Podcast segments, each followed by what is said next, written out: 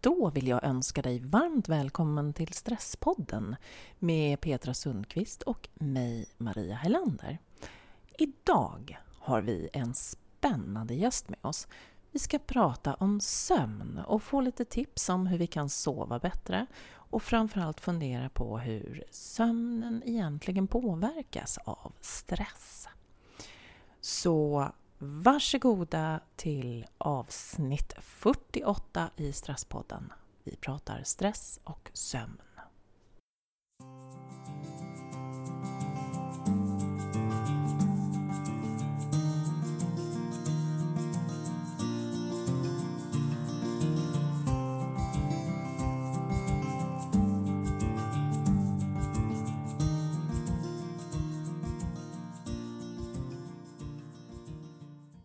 Ja, alltså det här är faktiskt lite roligt för jag har ju en ny klocka.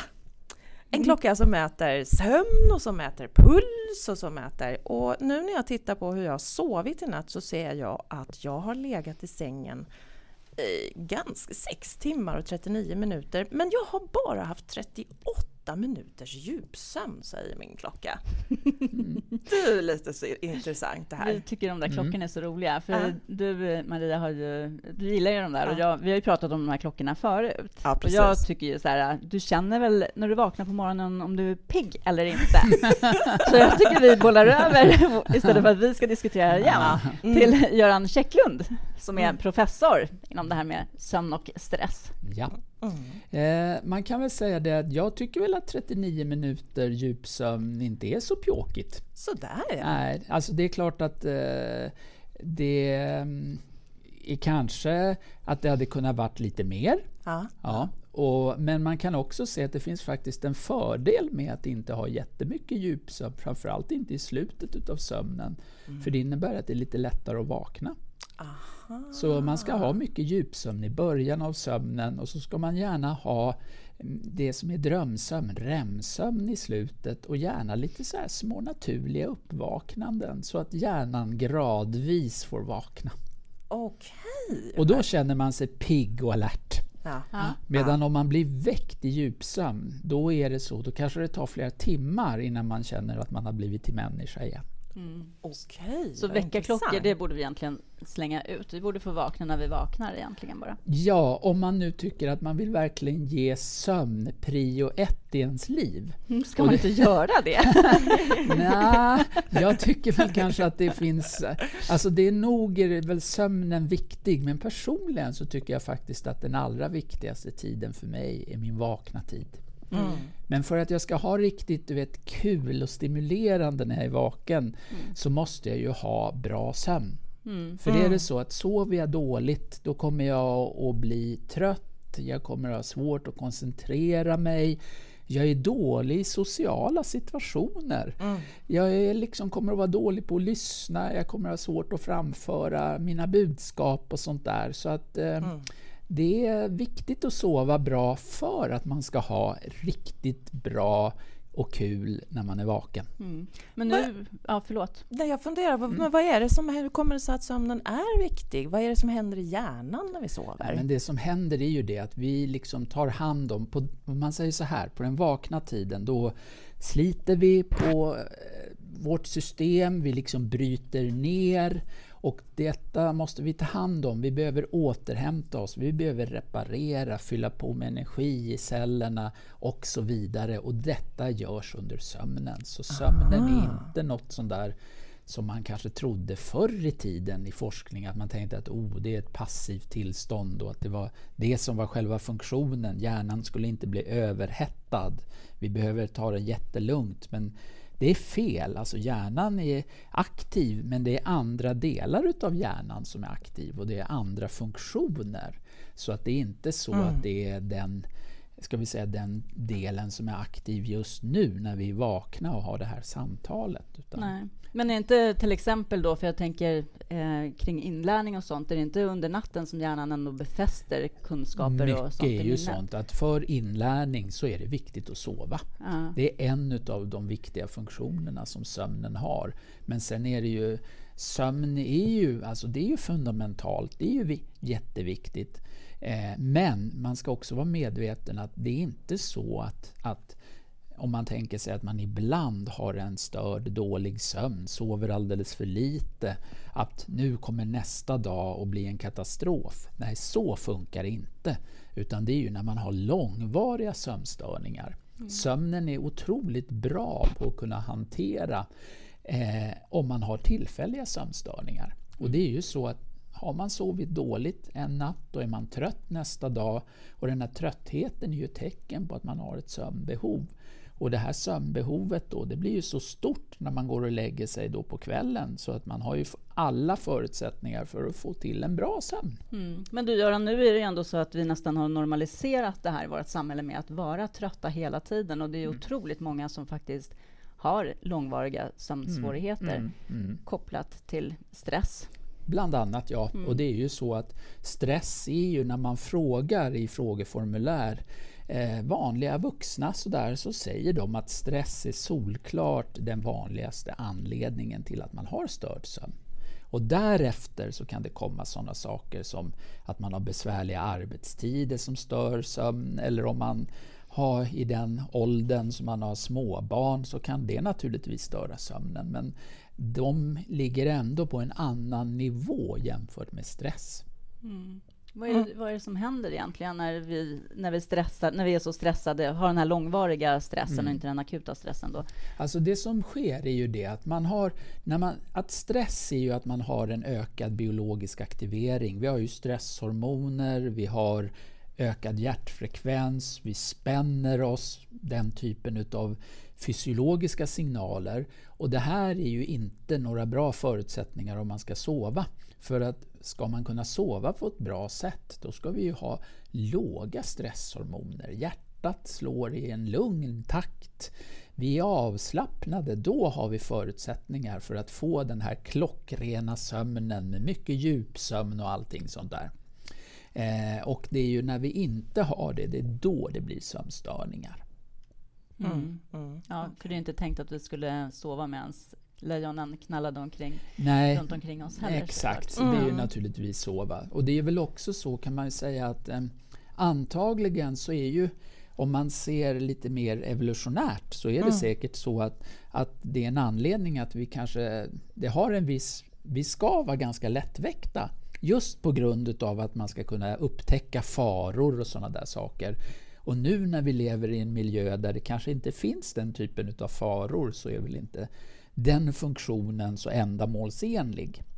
Och jag tror att den i, går vi tillbaka då när man då hade lite sämre sömn på nätterna, då kompenserade man ju säkert det med tupplurar på dagen. Och i vårt moderna samhälle så är det kanske inte så lätt att göra det helt enkelt.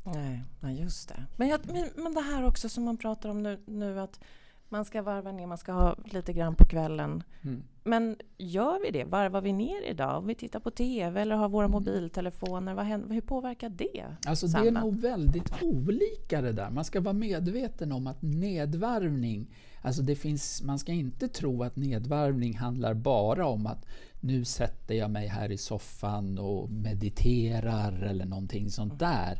Utan alltså nedvarvning kan vara ganska aktiva saker. Mm. Jag skulle kunna tänka mig att fysisk träning är en bra nedvarvning, ger bra ja. återhämtning. Nu blir jag så varm och glad i hjärtat när du säger det.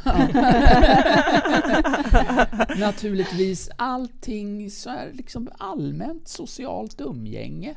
Mm. Men det är naturligtvis att har man haft kanske en dag som har varit otroligt stressig, man har mm. kanske haft mycket fysisk belastning som vissa yrken har, då kanske det är helt rätt att man lägger sig i TV-soffan och faktiskt ser på lite dåliga TV-program. Mm. För det är det man behöver. Men man ska inte tro att, att det är så enkelt så att det finns bara en typ av återhämtning. Utan det finns många olika sätt att lösa det på och man ska väl försöka hitta det man känner sig bekväm med. Mm. Och mm. kanske då som är någonting annat än det som vi gör under ja. arbetsdagen. Exakt. Men jag tänkte bara sticka emellan där, för att du sa innan vi började prata om det här med återhämtningen, så sa du ta en tupplur och sånt. Går mm. det att kompensera sömn? För det är ju ändå... Mm. Det är många som säger ja, det. Ja, ja men jag och, sover i kapp på helgen. Ja, mm. Alltså det, man kan säga att det är både och. Det är ju så att om vi tänker oss att man sover, jag menar det här är ju vanligt att många sover för lite in i veckan. Mm. Man kanske en del, det är nog inte helt ovanligt att en del bara sover 5-6 timmar per natt. Och man har kanske ett sömnbehov på 7-7,5 timme.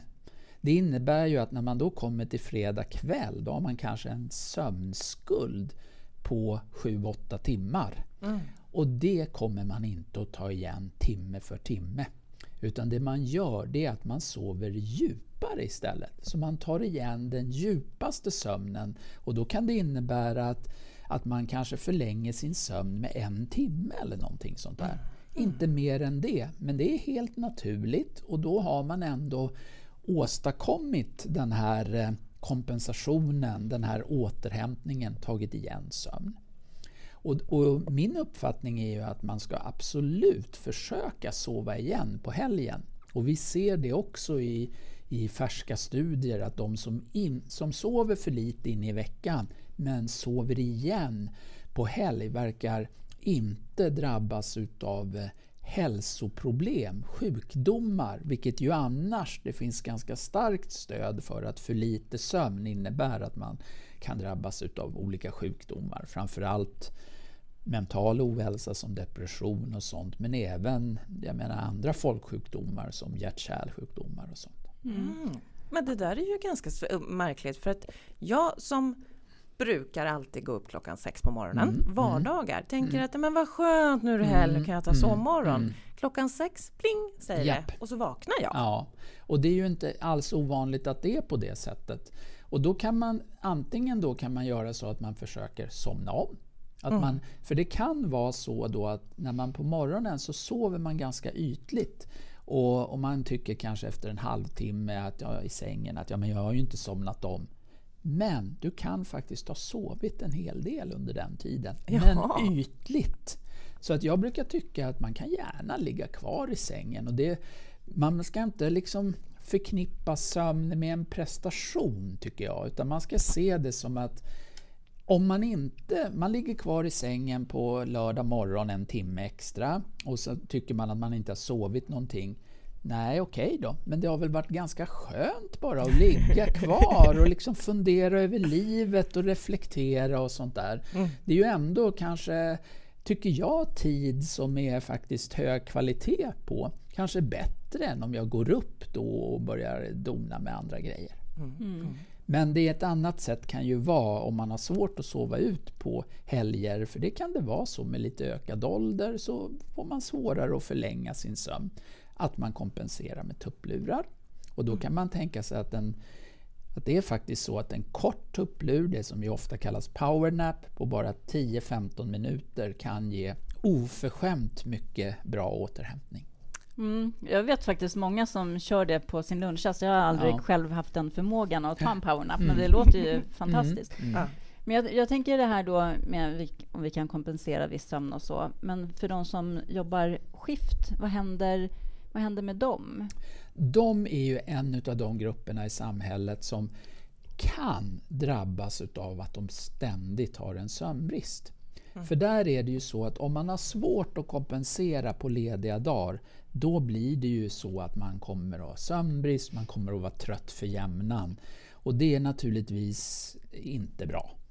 Dels är det ju så att det finns, beroende på vad man har för yrke, men om man är inom till exempelvis transportsektor eller vårdsektor så är det ju så att man kan ju börja göra fel och misstag på sitt arbete. Och det kan ju få väldigt allvarliga konsekvenser. Men sen är det ju det att man kommer ju att tycka att livet inte är kul om man får säga så. Alltså livskvaliteten är ju nedsatt om man går runt och är ständigt trött. Mm. Det är alltså en av de... Jag menar, det, jag, jag tror, eller jag vet att det är så att de som är ständigt trötta, det är en stor... Alltså det är att jämställa med ständig verk. Mm. Det är liksom samma sak, även om verk kanske har lite högre status. Jag menar trötthet kan ibland upplevas som något som sluta fjanta. Det är väl bara mm. att skärpa till det ungefär. Va? Mm. mm. Men så är det ju inte, utan trötthet ska tas på allvar. Och, och jag menar, man kan tänka sig att man är trött men har normal sömn. Eh, och då ska man naturligtvis ändå ta det på allvar och börja fundera på vad kan ligga bakom här? Är det någonting som är ett tecken på faktiskt en varningssignal på att man har någon sjukdom som har börjat? Mm. Så man ska absolut eh, ta trötthet på allvar och att det ibland kan vara väl motiverat att ta ett läkarbesök där de får utreda vad kan det finnas för anledningar.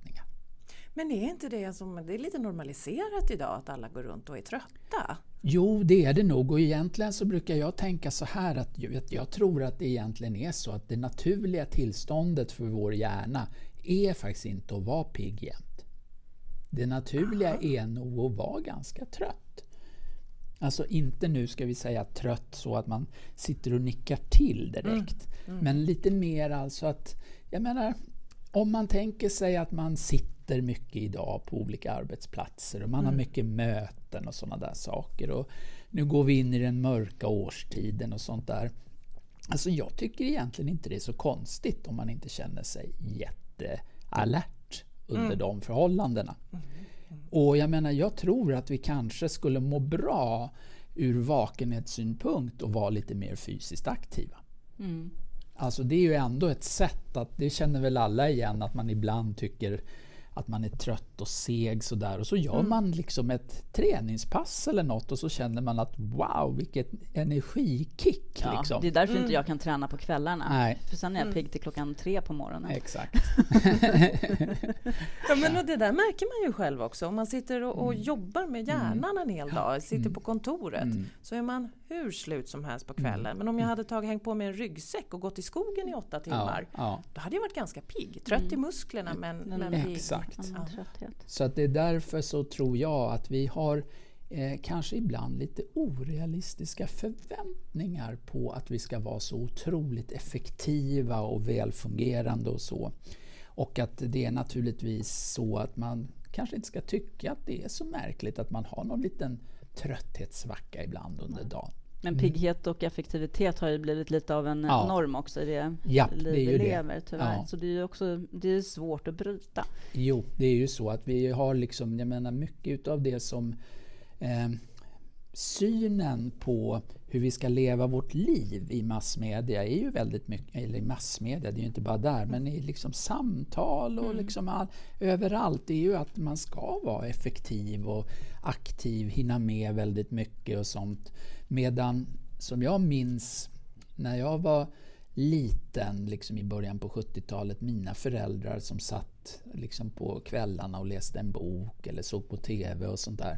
Alltså den typen utav eh, fritid är kanske inte jättevanlig idag alltså, utan man, man fyller tiden, man vill vara aktiv. Och det mm. kanske priset vi betalar då är lite, eh, man är lite mer trött. Mm. Mm. Och i värsta fall mer stressad. Ja, precis. Eh, när vi skulle boka intervju med dig så sa ju du till oss mm. att eh, eh, ja, om ni ska ha någon lite mer mainstream-syn på det här, då ja. är inte jag rätt person. Så Nej. då vart vi väldigt ja. nyfikna på vad, vad, är, vad, hur skiljer du dina, dina åsikter och tankar kring det här med sömn och stress? Alltså man kan väl se det så att det är möjligt att, att jag liksom att, en, att jag tror att mainstream-synen är annorlunda än vad den är. Men alltså jag tror ju att vara mycket stress på dagen men att man varvar ner på kvällen, det tror jag är bra för sömnen. Därför att jag tror då har man använt hjärnan mycket, man har byggt upp ett naturligt sömnbehov, man blir naturligt trött. Och det här med att man kan varva ner, det är ju ett tecken på att man känner att ja men idag har det varit en bra dag, jag har varit effektiv, fått mycket gjort på jobbet eller om jag inte arbetar så har jag varit ändå, jag menar det har varit en bra dag helt enkelt. Och det tror jag är alldeles utmärkt för sömnen. Jag tror att det här med att vara liksom passiv och inte göra någonting är antagligen mycket sämre för sömn än vad det är att, att ha liksom en, en ganska hög stressnivå men där man stänger av på kvällen. Mm. Ah, ja, okej. Okay. Mm. Men, men kan, kan man säga för nu, nu, nu pratar vi stressnivå så är att vara effektiv och mm, göra mm, saker. Mm, och, men om det är så att jag går runt och bär på en stress att, det, att jag grubblar på många saker. Ja. Att jag är orolig för min mm. arbetssituation eller för chefen som är... Ja, eller vad det nu kan vara. För det, där har du en mycket bra poäng. För det är ju antagligen det som man, när, man, när vi frågar om vad är vanligaste anledningen till sömnstörning och de säger stress så är jag övertygad om att det är grubblet på nästa dags stress. Mm. Det är det, oron för vad som ska hända imorgon. Hur ska jag klara av det där jobbiga mötet? Eller hur ska jag, det här att jag måste gå upp klockan fem på morgonen om jag är skiftarbetare. Om man börjar oroa sig för det, det, har ju en, det är ju precis, alltså då har vi stresshormonerna som pumpar ut, vi har liksom den förhöjda hjärtfrekvensen och allting.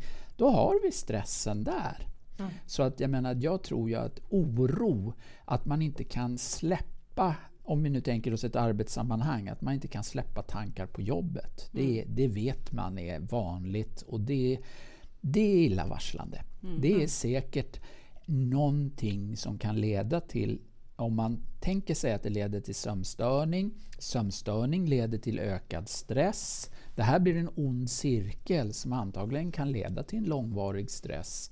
En utmattning helt enkelt. Mm. Och det är det som jag... Det, alltså, man kan säga det att forsk, alltså teoretiskt så känns det väldigt rimligt att det är så.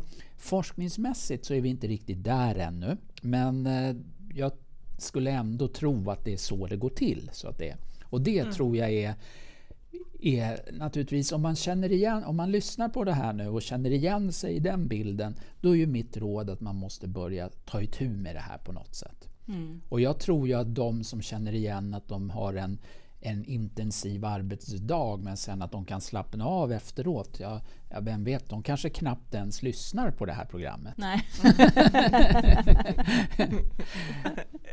det är nog helt sant. Ja. Mm. Men om man, om man har då har barn och, och tonåringar mm. som, som har lite svårt att sova och koppla av. Och, mm. vad...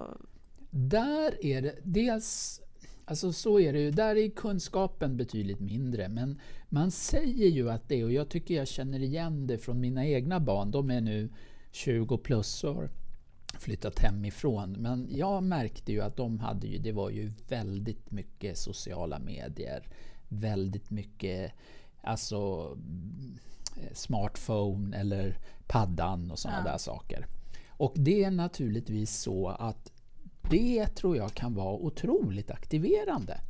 Och det är ju, alltså det är väldigt... In, egentligen är det ju så att när man är i slutet av tonåren, då är man ju nära sin maxkapacitet som sovare. Mm. Man har otroligt bra biologiska förutsättningar. Men det är naturligtvis så att de kan ju störas utav då en livsstil som är alldeles för aktiv.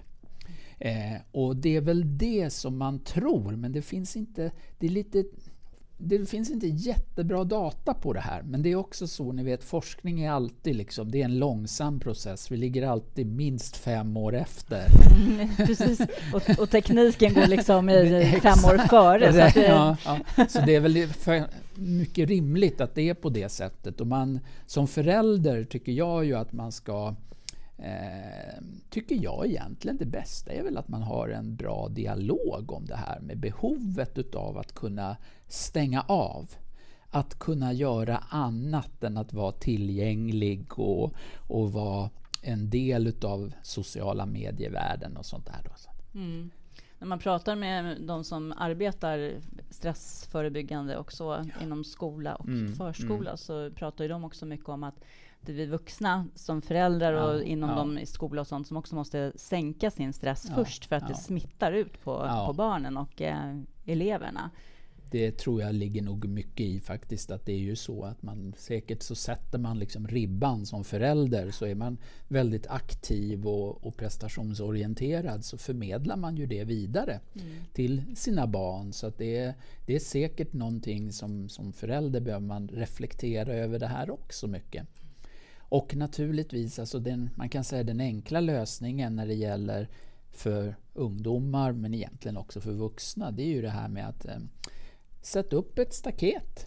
Sätta upp lite gränser där man bestämmer att, jag menar så här, nu bestämmer vi liksom att vi inte till exempelvis eh, gör eh, ja, att vi liksom nu försöker vi varva ner en viss tidsperiod, kanske en timme, kanske till och med mer innan man ska gå och lägga sig. Mm. Och det är ju en, ett enkelt sätt att försöka, jag menar gör lite småtråkiga saker. Mm. Och de här småtråkiga sakerna behöver kanske inte vara så tråkiga om man kan lära sig att börja acceptera att det har ett värde att bara ligga och, och småfundera lite, dagdrömma och sådana där saker. Det gör de flesta väldigt mycket av sin vakna tid och antagligen för att man kan tycka att det är ganska skönt faktiskt. Mm. Sen tror jag att för många unga kan vara att den här oron vi pratar om är någonting som är vanligt förekommande. Mm. Kanske mm. mer än vad det är för vuxna, att man är mer osäker och man mm. känner mer oro och man kanske också saker som har hänt under dagen som man tyckte inte kändes okej okay, kan vara någonting som ligger kvar där. Mm. Och vad jag har förstått så är det ju så, alltså jag är inte själv expert på just ungas sömn. Men jag vet ju att det, ju, det finns ju sånt att man har börjat liksom ta fram behandlingsmodeller som bygger på psykologisk eh, forskning för att kunna liksom på ett enkelt sätt lära sig att hantera ungas sömn. Det finns redan för vuxna. Det, finns, det är ganska effektivt med internet-KBT som man säger, alltså ja, kognitiv beteendeterapi som man gör via internet. Mm. Till och med självhjälpsböcker mm. funkar åtminstone om man inte har jätteallvarliga problem. Och om man bestämmer sig för att, ska vi säga, go all in. Verkligen liksom ta till sig det och inte bara liksom läsa det och inte vilja förändra utan man måste ju vilja göra någonting åt det. Ja, precis. Mm. Som med, med alla de här grejerna egentligen. Verkligen. Mm. Men då, då när du är inne på, på KBT här och hur man, vad man kan göra åt sin egen om man upplever mm. att man har sömnproblem. Mm. Vad skulle du vilja skicka med oss för eller våra lyssnare för tips om man har problem med sin? Mm. Alltså det jag kan säga är att om jag ska ge det är egentligen det är ganska mycket. Det är nästan ett separat program om man mm. ska gå in på det i detalj. Och får jag göra lite marknadsföring så är det så att vi på Stressforskningsinstitutet har gjort ett litet häfte som heter Lilla sömnskolan. Mm. Det är helt gratis. Det kan man ladda ner från vår webb eller vår hemsida helt enkelt. Mm. Och den är, in, det är ungefär 30 sidor och innehåller ett paket om hur man kan jobba med det här. Men där så fokuserar vi ju mycket på sådana saker som eh, det, det, är stress, nedvarvning, vad man kan göra för någonting. Och det är lite sådana alltså bra enkla åtgärder om man känner att man ändå har de här oroande tankarna. är liksom lite andningsövningar och sådana där saker. Mycket handlar det ju om att vi, när man är stressad så tar man inte djupa andetag utan det blir liksom en väldigt ytlig andning. Mm. Och ett sätt att liksom lugna ner sig, att få bort stressen är att liksom börja få ordning på sådana saker, sån här basal fysiologi. Mm. Men sen handlar det också mycket om eh, kanske vad man har för sömnbeteende. Hur ser det ut? Har man en regelbundenhet? Det kan vara så att en del som har sömnstörningar vänder på dygnet väldigt kraftigt när de är lediga på helg till exempelvis och går och lägger sig 4-5 på morgonkulan. Och det är klart att det är vi inte konstruerade för. Då blir det nästan som om man jobbade skift. Mm. Så sådana saker som har att göra med regelbundenhet och överhuvudtaget liksom vad man har för sömnbeteende. Gör man de här lite småtråkiga sakerna innan man ska gå och lägga sig? Har man ett beteende som inte är riktigt bra? Alltså att det är lite för aktivt, att man inte skapar förutsättningar för bra sömn. Då kan man ha en del konkreta enkla tips för det. Och Det kan ju vara sånt som till exempelvis drick inte kaffe allt för sent på dagen. Kaffet har liksom en, en stark aktiverande effekt. Mm.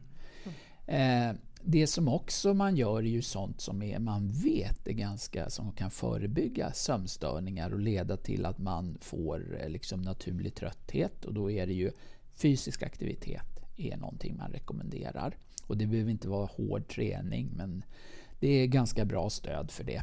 Och gärna utomhus, då får man dagsljus. Dagsljuset är bra för vår dygnsrytm. Se till att stabilisera den. Mm.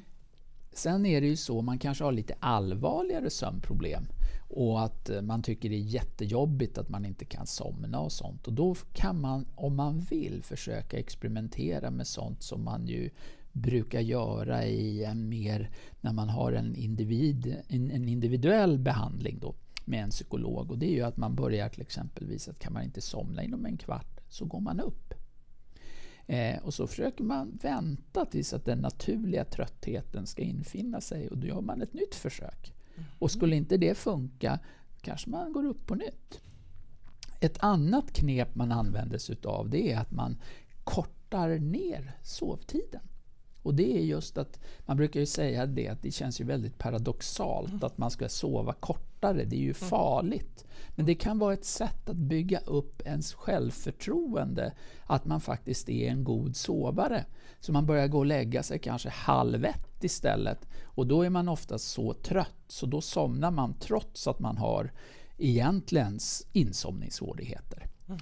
Och sen är tanken att när man börjar bemästra det här, då börjar man tidigare lägga sin sömn. och sånt. Så att man kan börja eh, till slut kanske gå och lägga sig klockan 11 och kunna få sju timmars sömn och så. Då.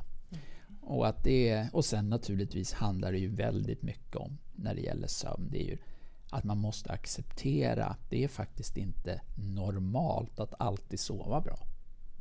Mm. Det är så att det är mycket är ju, det är fullt normalt att man har kanske eh, till och med kanske någon gång i veckan en störd sömn. Att det är så.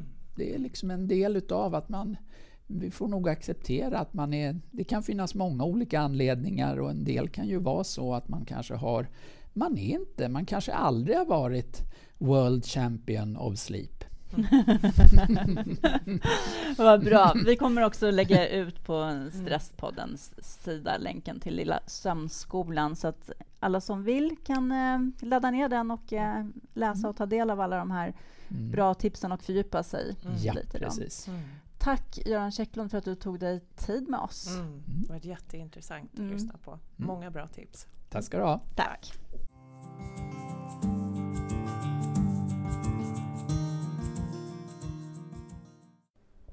Tack för att du har lyssnat på oss i Stresspodden.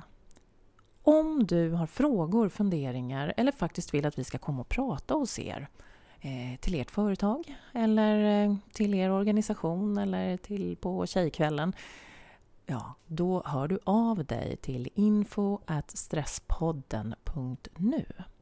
Sök gärna upp oss också på Instagram, Stresspodden, eller Facebook där vi lägger ut lite tips tricks, dagliga tankar om hur du ska må bättre i den här stressade världen som vi befinner oss i. Tack så jättemycket för att du lyssnar. Hej då!